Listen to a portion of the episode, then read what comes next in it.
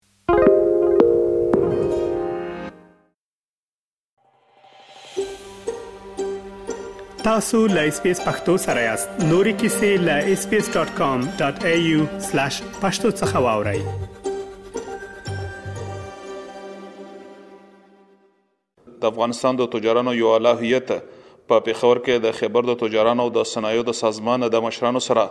لیده کتنې کړې دي او د دواړو هیوادونو ترمنځ د کیدونکي تجارت په برخه کې د ستونزو د لرې کولو لپاره د کڼلارې د ټاکلو لپاره وړاندیزونه دواړو هیوادونو ته ورکړې شول د افغانستان د هیئت مشري د هیواد وتلي تجار او د پاکستان او د افغانستان د تجارانو د ګډ سازمان د افغان برخې رئیس الحاج جان الکوزي کوله دوی د اس بي اس راډیو سره په ځانګړو خبرو کې وویل چې پاکستان ته د دوی دغه اوسنی سفر د هغه سفر یوه کړۍ ده چې اوس په نږدو کې د پاکستان جګپوړي هیئت د کابل سفر کړی وو. دوی وویل چې په تورخم پوله یې د پاکستان د ګمرک د چارو سره په لومړني فرصت کې لیده کتنې وکړې او پر اوس مهاله چې په افغانستان کې د تازه سبزو او د میوو موسم دی او په پوله باندې په دې برخه کې ځینې ستونزې وې، هغه یې له دوی سره د حل په غرض باندې د دوی مخې ته کېښودلې. دوی وویل چې د خیبر د تجارانو، او د صنایعو د سازمان د مشرانو سره ناسته وکړه او د دوی د لارې ځنې خبرې د دوی مخې ته کېښودل شوې چې د هغې د حل په برخه کې به له دواړو هیوادونو د مشرانو سره خبرې کوي.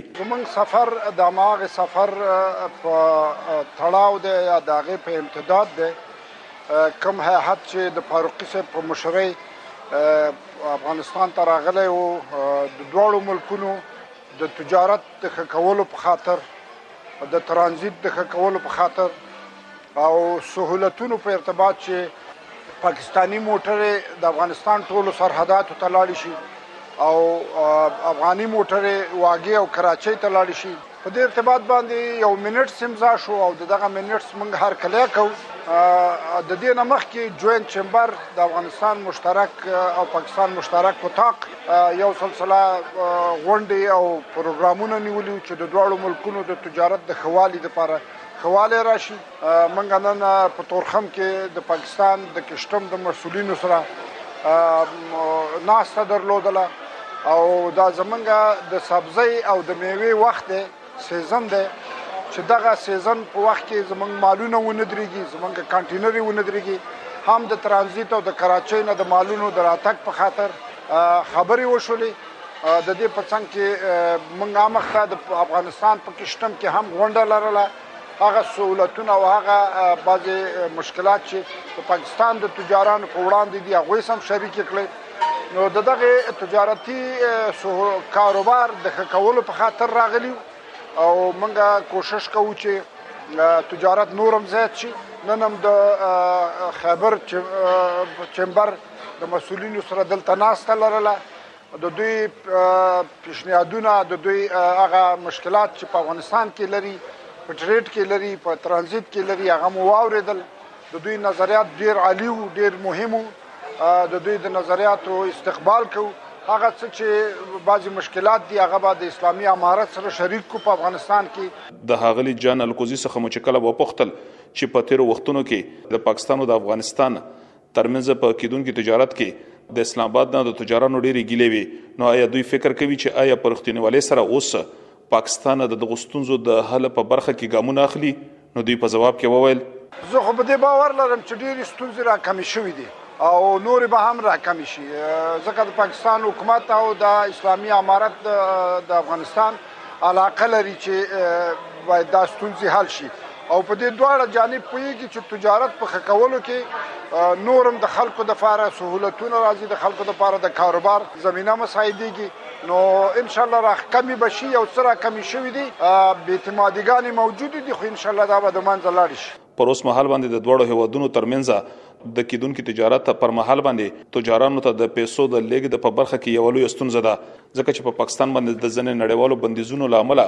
د پیسو په لیږد او دغه شند په افغانستان باندې د ځنې نړیوالو بندیزونو لامل تجاران نشي کولای چې په اسانه توګه باندې د تجارت لپاره دغه د پیسو لیږد وکړي. جان الکوزي په دې اړه باندې وویل چې په دې برخه کې به هم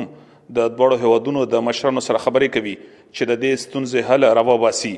دا مشکل خو اوس هغه میکانیزم چې ورته جوړ دی په عنعنوي شکل جریان لري، د سنټر بانک له مخې نه ډالرو به باندې پابندي ده، د افغانستان بانک سره دوی راکړه ورکړه نه لري،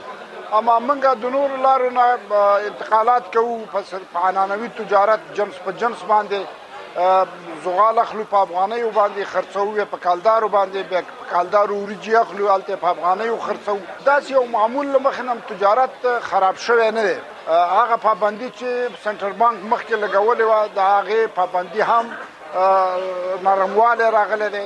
اما په دې باندې لګیا یو په دې کار باندې لګیا یو چې یو لاره ورته پیدا کړو. الحاج جان الکوزي د اس بي اس راډیو د یو سوال په ځواب کې وویل چې هو په دې کې هیڅ شک نشته چې پاکستان په ځینو بندو لارو پرانیستلو کې افغان دولت ته د بیا پرانیستلو باور ورکړی دی او دوی وویل چې په همدې لړ کې دوی په سوات کې د سوات او دغه شانتې د باجوړ د تجارانو سره یوه ناسته کوي. نوې لارې پاکستان د طرف نه په کونړ او نورستان کې نواپاس او ابنوي او همدارنګه په بریکوټ کې په چترال کې د یو لارو پرانیستل دي پاکستان دا نظر لري او دا ښه نظر دی خو زمونږ پیشنهاد دا دی چې اول دغه لارې چې دا تورخم او دا چمن او غلام خان او خرلڅې دي د دې ظرفیتونه باید زیات شي د دې امکانات باید نور زیات شي او بیا که نورې لارې خلاصیږي هم موږ استقبال کوو علمزیب افریدي د خیبر د تجارانو او د صنایعو د سازمان یو فعال غړی دی چې د دواړو هېوادونو ترمنځ د بارډر ټرېډ خبره کېږي، خو ولې دغه د تجارت یوه ډېره زړه طریقه ده. دوی وویل چې په دغه طریقې سره د مال د ورکولو په بدل کې مال اخیستل دي، خو دوی وویل چې دغه نظام پر اوس مهال باندې نه شي پلېوې کېدې. بنیادي مسله چې کومه ده د پاکستان او د افغانستان د تجارت هغه د پیسو لېږل او رالېږل دي، واپس راوړل پاکستان ته. دا بنیادي مسله ده اوس د دې د پاره چې کوم دی د یو ترتیب برابرې د بارټر ټریډ په حواله سره خو د بارټر ټریډ باندې چې د څنګه موږ ته ډیسکشن وکړو نو دواړه طرفه دا شی واضح شو دواړو حکومتونو په دې باندې د عدم اعتماد اظهار وکړو ځکه چې په دې چې کوم بارټر ټریډ میکانیزم دی په دې کې د پیسو لګلو یا د راوړلو سیس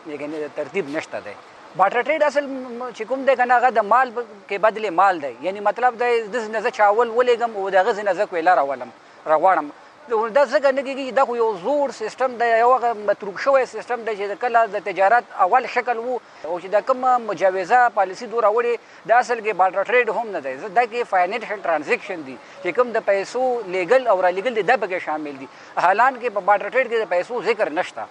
او بلګې دا غټه ستونزه ده چې بارډر ټریډ چې کوم دی دا د ریاست په حواله باندې دا ممکن دی چې کله مطلب دوه حکومتونه ریاستونه سره کوي خو په عوامي لحاظ باندې د ځکه نه کېږي چې اوس مطلب زه چاول لګم د چاولو بدل کې به د سمره کویله ماته راکړي د افغان د تجارانو په ډله کې ډاکټر احمد مخلص څوک چې د ننګرهار د سوداګرۍ او د پنګونې د خونې د مدیریت غړی دی دوی ول چې په دواړخیزه تجارت کې د ستونزو د لری کولو په برخه کې په لر او بر کې ناستې ډېرې مهمې دي دوی ویل چې که څه هم د تیر وخت په پرتله باندې ستونزې راکمې شوې دي خو لا پسې ډېر کار ته اړتیا ده. بله هغه ناستې، هغه میټنګونه او هغه همغږي خبرې چې د دواړو هېوادونو د حکومتونو په کچه او همدارنګه د خصوصي سکتور د سوداګرو د استازو ترمنځ او همدارنګه د اتاقونو یا چمبرونو ترمنځ کې خوشبختانه چې هغه ستونزې چې د ترانزیت په بخش کې د سوداګریز په بخش کې د افغانانو ستونزې وي په پاکستان کې هغه ورځ تر بلې کم شوي دي خصوصا د تورخم په منطقه کې چې زمونږ د لاریو د تګ راتګ او ترانزیت په بخش کې تیر کلونه ستونزې وي خوشبختانه هغلته یوه کمیټه جوړ شوی چې د تورخم د دواړو لورو د حکومتي چارواکو ترڅنګ خصوصي سکتور هم په دې کمیټه کې هره دوه اونۍ یوه جلسه یوه ناسته کوي او ورځنۍ کوم مشکلات او ستونزې چې وي په دغه کمیټه کې مطرح کیږي څه مشکلات ځای په ځای مشران تصمیم نیسي او څه چې بیا هغه د لوړپوړو چارواکو سره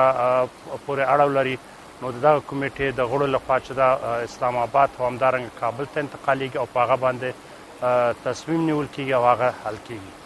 دا واقعیت دی چې تعزیرات چې د اف آی ټی اف او همدارنګه د آی ایم اف لخوا نه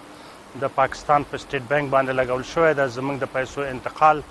هم زموږ د امپورټ هم د ایکسپورټ چې د ستونزې سره مخ ده حتی دا چې موږ نشو کولای د تھرډ کنټری لارې چې دا هم خپل پیسې انتقال کو چې دا په مختلفو وختونو کې په دې اخرو څو میاشتو کې د پاکستان حکومت له خوا همدارنګه د افغانستان حکومت له خوا د دغه د حل لپاره تجویزونه او وړاندیزونه په نظر کې نیول شوي خو تر اوسه حل شوي نه دي همدارنګه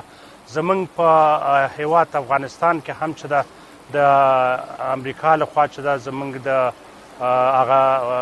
کوم ذخایر چې د په اسټیټ بانک اف امریکا کې لرو په هغه باندې هم چې دا تحریم وضع شوی دی او موږ نشو کولای چې د خپل خصوصي بانکونو لخوا د امپورټ ایکسپورټ لپاره چې د پیسې ټي ټي یا ترانسفر کو دغه ستونزه ده خو امید لرو چې دغه ستونزې به ژر تر ژره حل شي او موږ په آرام سره وکولای شو خپل کاروبار پر مخ بوزو علمزیب افریدي د ستونزو د حل په برخه کې وویل، ته چې د افغانستان نه موږ مال لوډ کړو هغه تقریبا دوه میاشتې ټیم اخلي په راتلو کې دا یو غټه ستونزه ده او بل ان شاء الله د زموږ چې کوم میټینګ تله وو پاکستان سره نال ته ډېرې خبرې هم شوې چې کوم د افغانستان سره ټرکونه یا به پاکستان فکر خانو ته ځي او د پاکستان ول ټرکونه به ډایرک کابل ته ځي نو دا مسلې د ټایم غټه مسله ده ځکه چې یو غاډه د افغانستان نه لوډ شي هغه پاکستان ته دوه میاشتې ټیم کې راځي او دې نه علاوه چې د کوم د پیمنټ طریقه کار دی دغه ډیره غټه مسله ده هغه کې مسله څه ده چې د پاکستان په نظام کې دغه پیمنټ په حواله باندې د یو جرم دی او تقریبا ډیر خلک اوس دغه کار په حواله په ذریعہ سره کوي چې دا مطلب یو ډیر تا تاجر یو خطر ته مخامخ کوي تیر د دوشنبه په ورځ باندې د بیلابیلو وزارتونو پاکستانی پلاویو د کابل سفر وکړو چې پکې تر ټولو مهم د دوړو هوادونو د تجارت د برخې سره تړلو خلکو لید کاتنې وي د طالبانو ویاند ذبیح الله مجاهد د لورې په خبره شوی خبر کې ویل شوی دی چې د دواړو هوادونو ترمنځ د تجارت د پرمختګ په برخه کې په ډیرو خبرو باندې اتفاق شوی دی او د حل په برخه کې یو بل ته باور هم ورکړی شوی دی د دوی پر وینا باندې چې د دواړو هوادونو مال وړونکو ګاډو ته په یو بل هواد کې د یو خر نه بل خر ته په آزاد توګه باندې د تلو اجازه وي د پاکستان د لورې د اپټا د 2020م کال د غونډې پریکړې د عملي کېدو غوښتنه هم وشوه. افغان دولت ته د دغه خبرې ډاډ ورکړې شو چې افغان مال وړونکو ګاډو ته به د هند تر پولې واهګې پورې به د لاسرسې اجازه ورکول کېږي. تورخم او سپین بولدک پوله به د څلويشتو ساتلو لپاره د دواړخیزه تجارت لپاره پرانستلې ساتل شي او دغه شنت په پاتو نورو لارو به تر 1200 ساتو پورې دغه اسانتیاوې ورکول کیږي په خبره شوی خبرپاڼه کې د سکرو د بیو او د دې د تجارت په اړه باندې لا هیڅ نه دی ویل شوی ځنې سرچینې وایي چې د دواړو هیوادونو ترمنځ د سکرو د بیې او د هغې د لیګ د په اړه باندې په ځنو خبرو باندې اتفاق نه دی شوی د پاکستان او د افغانستان ترمنځ د تجارت د خکېدو لپاره د غونډې په داسې حال کې پیل شوې دي چې څو ورځې وړاندې د پاکستان صدراعظم شهباز شریف په خپل یو وینا کې ویلي وو چې دوی به د ارزان بیه برخه د پیدا کولو په برخه کې د گاونډي هیواد افغانستان نه په کلدارو د سکرو اخستلو لپاره بندوبست کوي د هغه ورستو افغان دولت له هغه ورستو نه یوازې افغان دولت په سکرو باندې د ګمرک بیه اوچته کړه ورسره د سکرو بیه هم اوجګې کړې